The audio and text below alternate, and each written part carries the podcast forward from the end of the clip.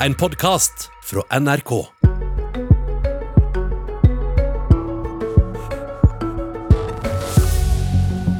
Eh, Det er ikke sånn at jeg angrer på eh, at eh, skolene ble stengt eh, de første 14 dagene, men jeg tror kanskje de ble stengt for lenge. Navn. Bjørn Gullvåg, Alder. 64 år. Eh, yrke. Helsedirektør. Nå sitter vi her på en eh, benk utenfor eh, Helsedirektoratet. Eh, pandemien preger ikke hverdagen vår lenger, og vi kan i hvert fall begynne å, å, se den litt i, i bakspeilet. Hva er det viktigste du har lært av de to årene vel vi har vært igjennom nå?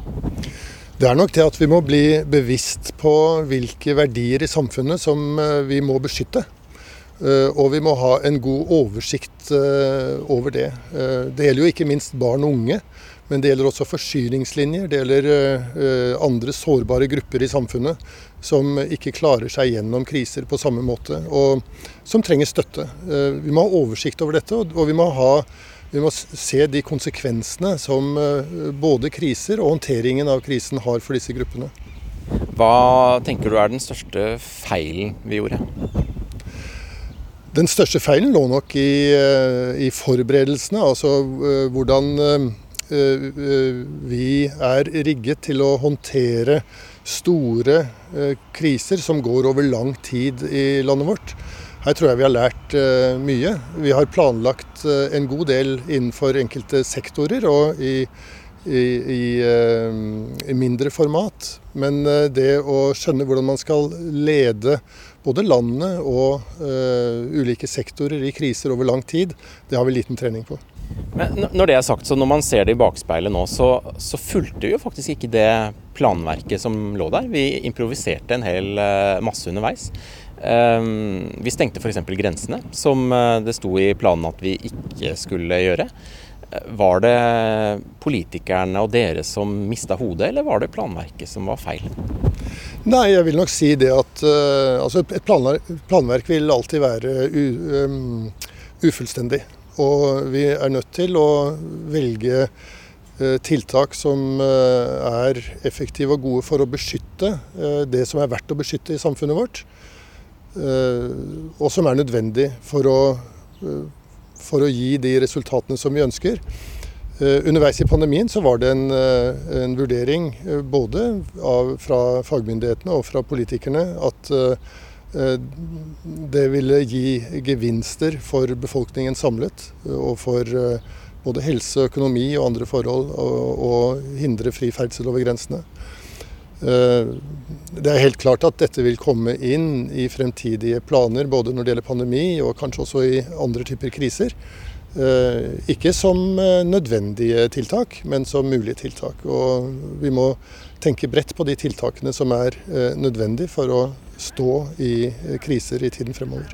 Men det er jo fortsatt uenighet om grensestengning egentlig har vært så veldig effektivt. Og i Norge så kom jo alle disse nye virusvariantene inn og tok over uansett. Selv om vi stengte grensene og sendte folk på karantenehotell. Så det er jo ingen fasit eh, enda på om dette var et godt tiltak eller ikke. Er det det, da? Nei, det er ikke en fasit eh, på det. Og, og fremdeles så trenger vi mer data. Vi trenger evalueringer for å se på effekten av dette. Men jeg tror likevel det er et poeng at eh, vi må være forberedt på eh, å kunne iverksette ulike typer tiltak, gitt at vi får alvorlige kriser også i tiden fremover. Ja, fordi det som skjedde her i pandemien, var jo at eh, eh, Kina stengte ikke sine grenser. Eh, og så begynte en del asiatiske og etter hvert europeiske land å stenge grensene sine til store protester fra Verdens helseorganisasjon, og kineserne var også rasende. Eh, og så gikk det en liten stund, og så var det Kina som stengte grensene sine. Så eh, og alle land har jo egentlig da brutt med de retningslinjene som man var enige om på forhånd, og som WHO eh, stilte seg bak i starten av pandemiutbruddet. Ja, og jeg tror noe av problemet her har vært at eh, heller ikke Verdens helseorganisasjon har sett eh, godt nok de mulige eh, pandemiene som vi kunne stå overfor. For mye av deres logikk har vært bygget opp rundt influensapandemier. Og hvor man er blitt enige om noen spilleregler som eh, ikke holdt stikk i denne situasjonen. Det viste seg at landene ønsket å bruke andre virkemidler enn det vi hadde planlagt for, og som sannsynligvis også var nødvendig for å nå det som var det ønskede målet. Da. Og 12.3.2020 så var det jo deg som stengte Norge ned formelt. Du hadde selvfølgelig snakket med regjeringen og, og, og hadde fått ryggdekning, men, men den formelle beslutningen var, var din. Eh, er det riktig at en byråkrat skal ha så mye makt? Her har jo kommisjonen, altså koronakommisjonen uttalt uh, seg, og de har undersøkt dette grundig. og uh, De sier at det ikke er riktig, og det er noe jeg naturligvis bare forholder meg til. Jeg gjorde det jeg visste var forventet av meg i situasjonen, og det var jo avklart med, med både regjering og de juristene jeg Eh, fikk råd fra. Eh, vi oppfattet at eh, rollene var fordelt på den måten i situasjonen, og det kunne jeg ikke frasi meg ansvaret for. Men jeg er jo helt enig i at dette bør det ryddes opp i, slik at man er trygg på at de beslutningene som fattes i fremtidige kriser, fattes på riktig nivå. Det har jo kommet en del eh, kritikk av smittevernloven eh, underveis i disse to årene. Det ene er jo det du nevner nå, altså at eh, det ikke var en politisk beslutning på papiret å stenge ned landet, frisørsalongene, neglesalongene og mange andre.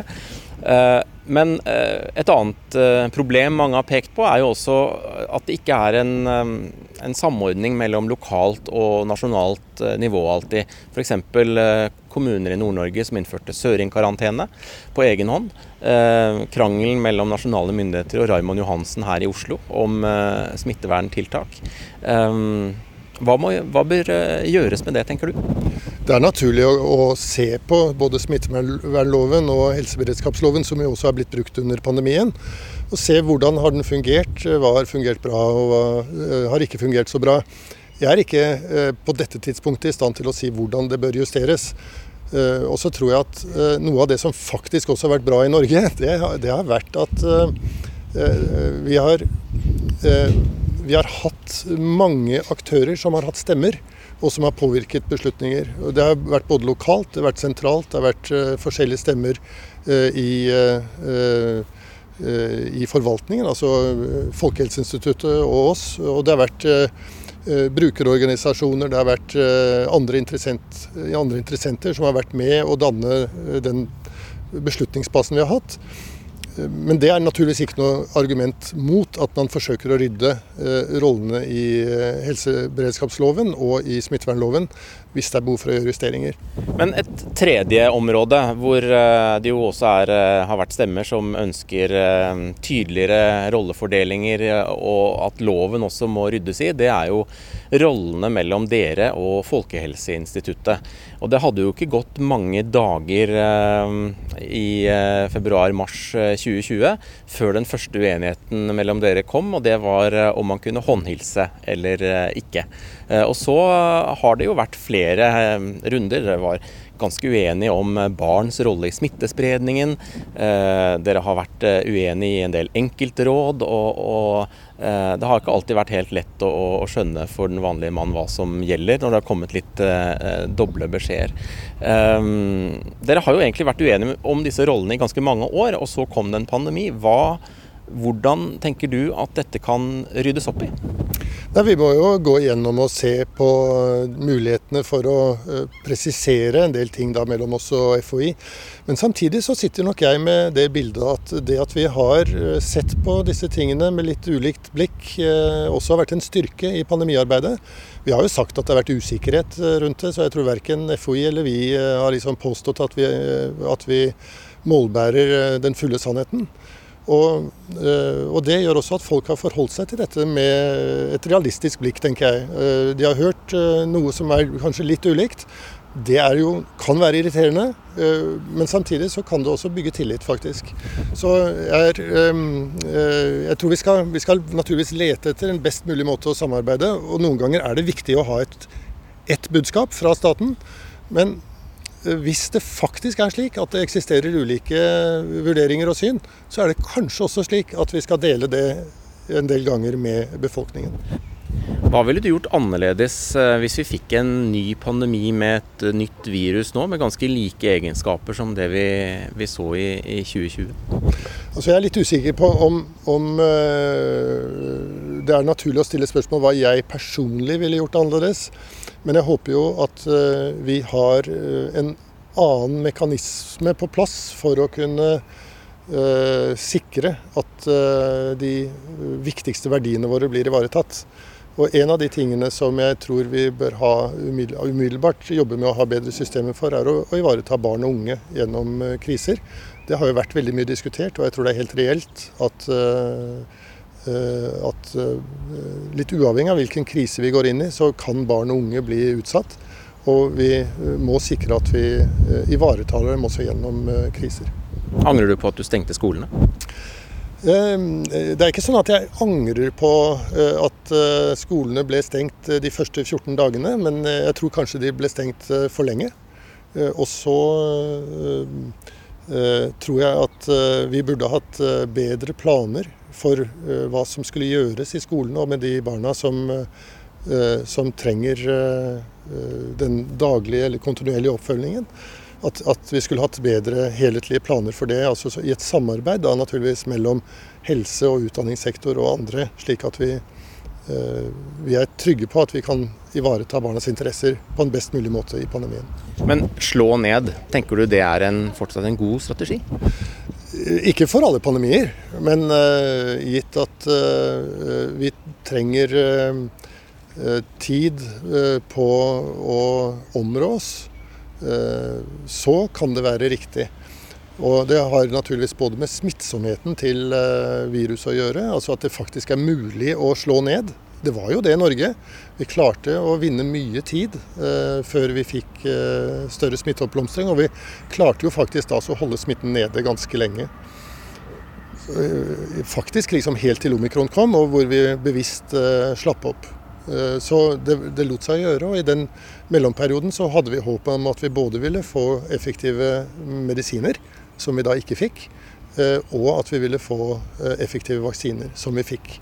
Og Det var jo vaksinene som da gjorde at vi kunne komme ut av pandemien uten veldig store konsekvenser på dødelighet i befolkningen. Når du ser tilbake på de årene nå, 2020-2021, er det én ting som du tenker at Eller var det noe som hva var det som overrasket deg mest? Eh, det som overrasket meg mest eh, gledelig, var jo at eh, vi samlet i befolkningen klarte å bli Å samle oss om en måte å håndtere dette på som gjorde at vi lyktes med det som var formålet, nemlig å holde viruset tilbake inntil vi fikk vaksiner på plass som kunne ta oss ut av eh, pandemien.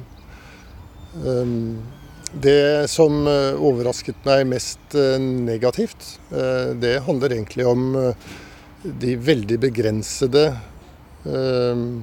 evnene vi har vist til internasjonalt, internasjonal samordning.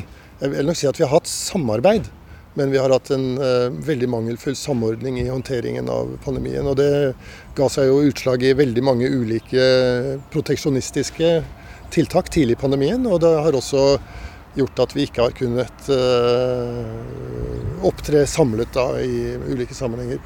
Bare, bare, forskjellene på Norge og Sverige er jo et godt eksempel på det. Uh, det hadde jo vært utrolig mye hyggeligere hvis vi hadde klart å finne noen felles løsninger. Tror du vi noensinne kommer til å bli enige med svenskene om hvem som gjorde rett? Nei, det, det, er kanskje ikke helt. Eh, men, eh, og det finnes kanskje ikke en fasit på dette heller. Så det, det jo, handler jo litt om hvilke verdier et samfunn har. Eh, I Norge så tror jeg vi, har, vi legger veldig stor vekt på å ivareta folks helse og hindre unødvendig død i ulike sammenhenger. Det var litt utgangspunktet for tenkningen i mars 2020. Eh, og, det tror jeg Den verdien har vi på en måte beholdt videre hos oss.